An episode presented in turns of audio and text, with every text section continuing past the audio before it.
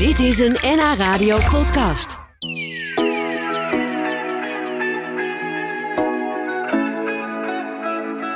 Ik ga praten met de stadsarcheoloog van Alkmaar, Nancy de Jong. Afgelopen jaar heeft ze veel bijzondere vondsten gedaan, zoals een middeleeuwse brug en een eeuwenoud Clarisseklooster. En er werden ook bijzondere resten blootgelegd van een herberg bij het Gulden Vlies in Alkmaar. Het lijkt me allemaal heel bijzonder als je dat soort grote vondsten doet, Nancy. Hoe, hoe, hoe is dat voor jou als er weer zoiets groots ontdekt wordt? Het is ook steeds bijzonder eigenlijk. En, en het is ook best een voorrecht dat je nou ja, zo, zo mag bijdragen aan de geschiedschrijving van een stad. En je hebt altijd je verwachtingen. Uh, maar je merkt toch ook wel vaak dat het, dat het overtroffen wordt. Omdat je dan toch zulke mooie dingen uh, vindt die zo'n verhaal op zich vertellen. Ja, dat blijft een voorrecht. Ja, en het grappige is dat je ooit operatieassistent was. Dus ik, toen dacht ik, hé, hey, dat is even een heel ander leven voor jou natuurlijk. Ja, klopt. Ja, ik ben, uh, ik ben in eerste instantie ben ik operatieassistent geworden. Omdat in de jaren negentig was archeologie, er was nog niet heel veel werk in. En uh, nou ja, tijdens dat ik werkzaam was in Eindhoven in het ziekenhuis, uh, nou had ik mezelf gemeld als vrijwilliger daar bij de archeologische dienst. En op een gegeven moment dacht ik, ik kan me altijd denken, had ik maar, hoe zou het zijn geweest als? Dus toen heb ik mijn baan opgezegd en ben ik uh, gaan studeren aan de Universiteit van Amsterdam. Oh. En had ik een bijbaantje op de hartchirurgie in het AMC. En heb ik toch gedaan wat ik altijd uh, wilde doen. Oh, wat mooi zeg. En, en is er ergens toch ook een soort overeenkomst? De, het precisiewerk met een scalpel bij een uh, operatie? Ja, en zeker. Het... Zeker zit daar een overeenkomst in. Je moet natuurlijk heel geconcentreerd, zeg maar, en inderdaad laagsgewijs werken en, en heel precies. Dus daar zit zeker een overeenkomst in. Ja. Jij uh, bent dus nu de stadsarcheoloog van Alkmaar. Er is er ook eentje in Haarlem en eentje in Amsterdam. Uh, is dat echt iets voor, voor uh, alle steden in Nederland eigenlijk die een beetje een oud centrum hebben? Of hoe, hoe zit dat? Ja, klopt. Dat... Meestal steden zeg maar, met een grote historische kern hebben vaak een, een stadsarcheoloog in dienst. Of net als in Alkmaar hebben we er zelfs twee. En uh, dat is ook wel heel goed, omdat je heel uh, nauwkeurig de geschiedenis van de stad kent. En heel goed van tevoren kunt inschatten waar je wel moet opgraven en hoe lang en waar ook niet. Bijvoorbeeld. Ja. ja, want hoe gaat dat eigenlijk? Komen jullie vooral in actie als er ergens iets gesloopt wordt? Uh, of of hè, als er nieuwbouw komt? Of, of worden jullie ook wel eens gebeld door mensen die zeggen van... goh, ik heb zoiets raars in mijn tuin gevonden? Nou, eigenlijk beide. Maar meestal zeg maar, uh, worden we zeg maar, op het spoor gezet... omdat er bouwvergunningen worden ingediend. En archeologie is eigenlijk een verplicht uh, onderdeel daarvan. En die beoordelen wij dan en daar geven wij aan... Nou, wel of geen archeologie en hoe lang en, en hoe omvangrijk... Uh, of niet, dat kan natuurlijk ook. Maar we hebben ook wel eens dat mensen ons bellen met van... nou, we waren in de tuin bezig en er viel ineens een gat. En dan blijkt daar ineens een beerput te zitten. Oh, Wauw, ja. Dan word jij heel blij, denk ik. Ja, dan word ik zeker heel blij. En uh, nou ja, dan gaan we natuurlijk gelijk kijken. En dat is het voordeel als je een eigen team archeologie hebt. Dan kun je ook heel snel schakelen en mensen ook heel snel weer helpen. Ja, ja want die willen natuurlijk niet dat gat open houden in hun tuin. Nee, nee. nee mensen vinden ons over het algemeen best leuk, maar ze zien ons liever uh, gaan dan komen meestal. Ja, ja. En, en je zegt, uh, jullie beoordelen eigenlijk, hè, als iemand een, een bouwvergunning aanvraagt, dan gaan jullie kijken van, nou, is dit de moeite waard om eerst eens even te gaan graven? Waar baseer je dat dan op? Want je ziet eigenlijk toch alleen maar aan de buitenkant gewoon een stukje grond. Nee, klopt. We kijken eigenlijk uh, op oud kaartmateriaal. Uh, we beginnen eigenlijk bij de meest recente kaarten tot de kaarten aan de 16e eeuw aan toe. En dan kunnen we eigenlijk een perceel door de tijd heen volgen. En dan kunnen we ongeveer al zien uh, wat voor type huis daar gestaan heeft. vaak kijken we ook nog heel even in het archief om te zien zeg maar, welke mensen daar gewoond hebben, maar vooral ook welke beroepen. Want als er een smidse heeft gezeten, zegt dat ook alweer iets uh, over de resten die je kunt verwachten. Of, ja. of er een beroemd persoon heeft gewoond. Oh ja. Uh, de ondergrond is natuurlijk ook heel belangrijk. Zeker voor de oudere uh, bewoningsresten uit de vroege middeleeuwen of de prehistorie. Die mensen wonen vaak hoog en droog. Dus als je in een diep nat stuk zit, hoef je daar geen rekening mee te houden. Dus het is eigenlijk een heel nou ja, complex geheel van factoren die bepalen of er ergens wel of niet uh, archeologie plicht op ligt. Ja, ja en dan, dan balen die mensen misschien wel die daar wat willen gaan bouwen. Want dan duurt het alles langer. Want dan gaan jullie eerst eens even goed graven daar. Ja, nou dat valt over het algemeen wel mee. Archeologie heeft een beetje een verkeerd imago gekregen van mensen die het werk stilleggen. En Uh, dat gebeurt eigenlijk bijna niet meer. Want vanaf ongeveer 2007 is archeologie al een verplicht onderdeel. En op het moment dat mensen hun bouwvergunning aanvragen, of vaak zelfs al daarvoor, weten ze zeg maar, waar ze aan toe zijn dat er een archeologisch onderzoek uh, aankomt. En kijken we ook vaak samen, kunnen we het plan misschien anders inrichten, waardoor er geen archeologisch onderzoek uh, nodig is. Ja, ja. Dus daar is echt al heel veel verbetering in. Ja, dus dat je dan een stukje onbebouwd laat, misschien, zodat er later ooit nog mensen bij kunnen komen. Ja, of dat je de heipalen niet zeg maar in de gevellijn slaat, maar net iets terug. En uh, ja. ja, vaak kom je daar samen best wel uit. Ja, een, uh, een fonds van het afgelopen jaar, begrijp ik, was een middeleeuwse brug. Wat was daar bijzonder aan en hoe, hoe kwam je die tegen? Ja, klopt. De, de middeleeuwse brug onder de Munnikenweg. Ja, de Munnikenweg is, uh, een, uh, is de enige kasseienmonument in Nederland. Dus is een weg met van die uh, kinderkopjes. En die werd gerenoveerd. En die weg is dit jaar jarig. Hij is 750 jaar oud. Zo hé. Want hij is 750 jaar geleden door Floris V is hij nou ja, verbeterd en verbreed. zodat hij zijn troepen goed ten strijde kon laten trekken. Zo. Nou, aan die weg hebben Wat een twee... geschiedenis hè? Ja, ja dat gaat echt ja. enorm ver terug. En aan die weg, zeg maar, lag een kasteel, kasteel de Middelburg. En daarvan weten we dat dat kasteel de brug over de vaart uh, bewaakte. Dus je hebt het kasteel, je hebt de weg en je hebt de vaart. En dus precies op de plek waar die elkaar kruisen, wisten we dat die, weg daar, die brug daar ooit gelegen moest hebben. Dus toen ze die weg aan het renoveren waren, uh, waren we natuurlijk best benieuwd of we sporen zouden kunnen zien van die brug. Ze gingen niet heel diep. Uh, dus nou, woensdagochtend werden gebeld van, nou, uh, we komen nu naderen de brug en, en we zien al puin. Dus nou, wij, wij daarheen en kijken. Met bonkend hart? Met bonkend hart.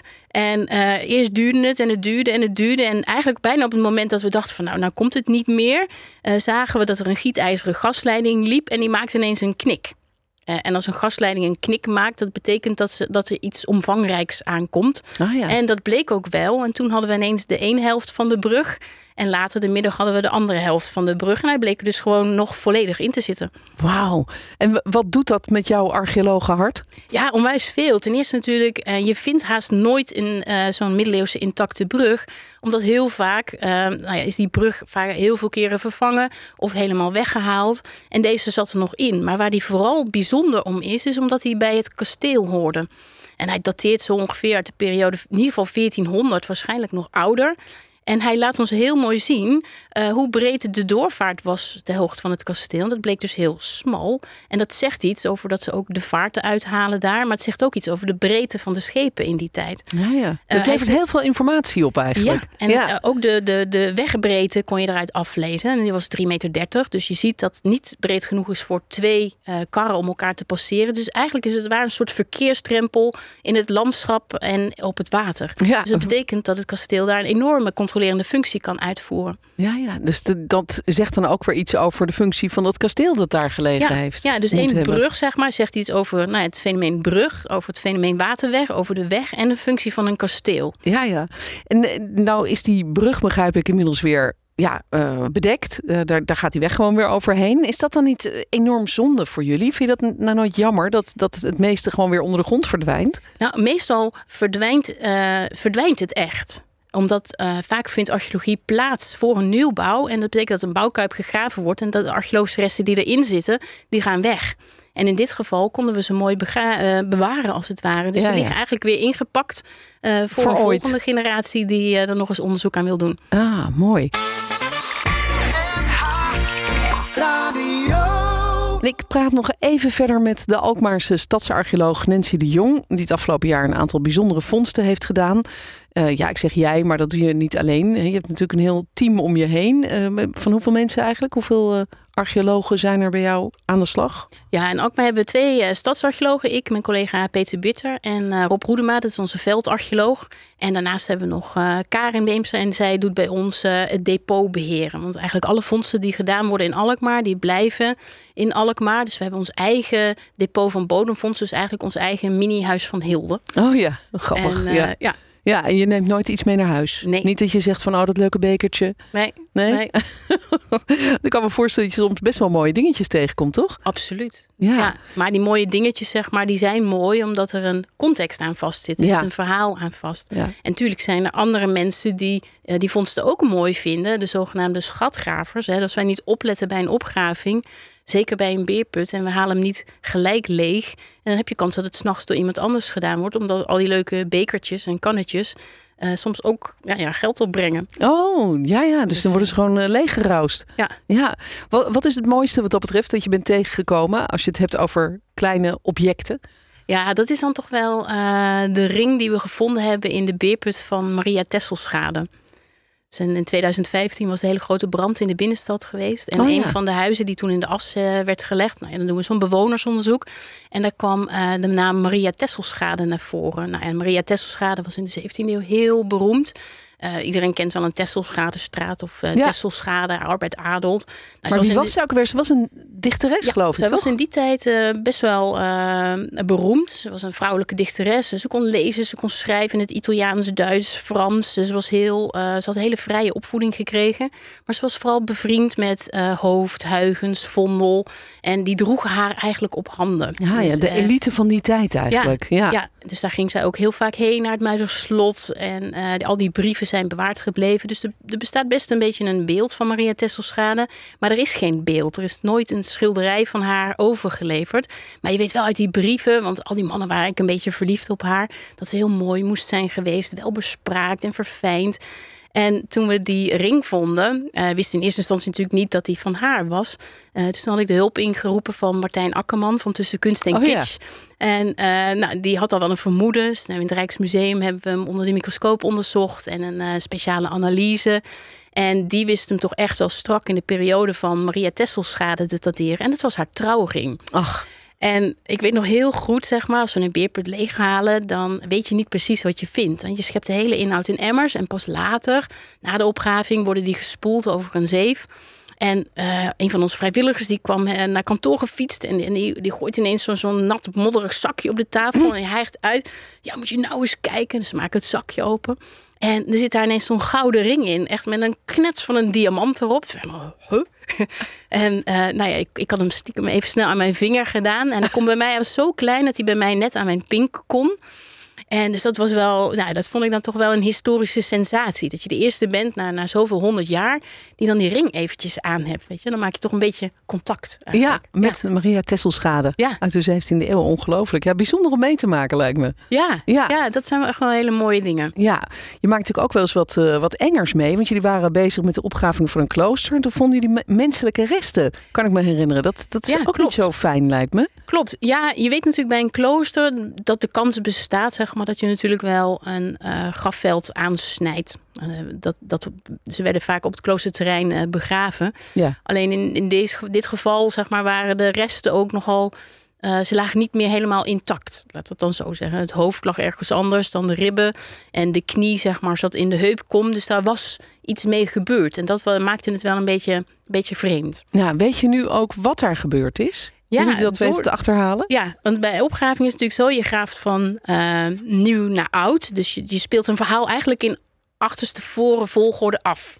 En waar we eigenlijk getuigen van waren, waren de, zeg maar, de, de, nou ja, de, de vlucht van de Claristen in 1572, omdat de geuzen die Alkmaar moesten beschermen tegen de Spanjaarden, uh, die waren protestant. Ah. En de Clarissen waren katholiek, dus die moesten het veld ruimen. En die waren gevlucht. De geuzen kwamen in het klooster en die waren daar niet heel blij mee. Uh, dus die sloegen daar de boel kort en klein. Die hebben de heilige beelden stuk geslagen en op de vloer achtergelaten. Precies daar waar wij de stukjes gevonden hebben. En um, ze hoopten daar heel veel uh, nou ja, rijk, uh, rijkdommen aan te treffen. Maar het was eigenlijk een hele arme orde. Ach. Uh, als uiterste wanhoopspoging hebben ze pas begraven Clarisse opgegraven. In de hoop dat die met rijkdommen begraven waren. Ook niet.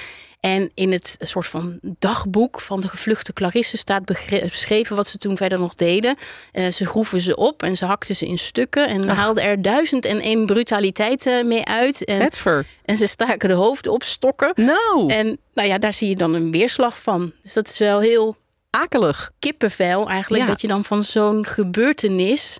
Uh, nou ja, de, de, de, tastbare resten van vindt. Zo'n ja. ja, emotioneel moment in de tijd. Zeker, ja. Nou, je hebt nooit saaie dagen in elk geval. Dat is, dat is wel duidelijk. Uh, in, tot slot nog even heel kort. Jij bent ook nog op zoek naar een kasteel. Dat vermist is. Klopt. Wat is dat voor kasteel? Klopt.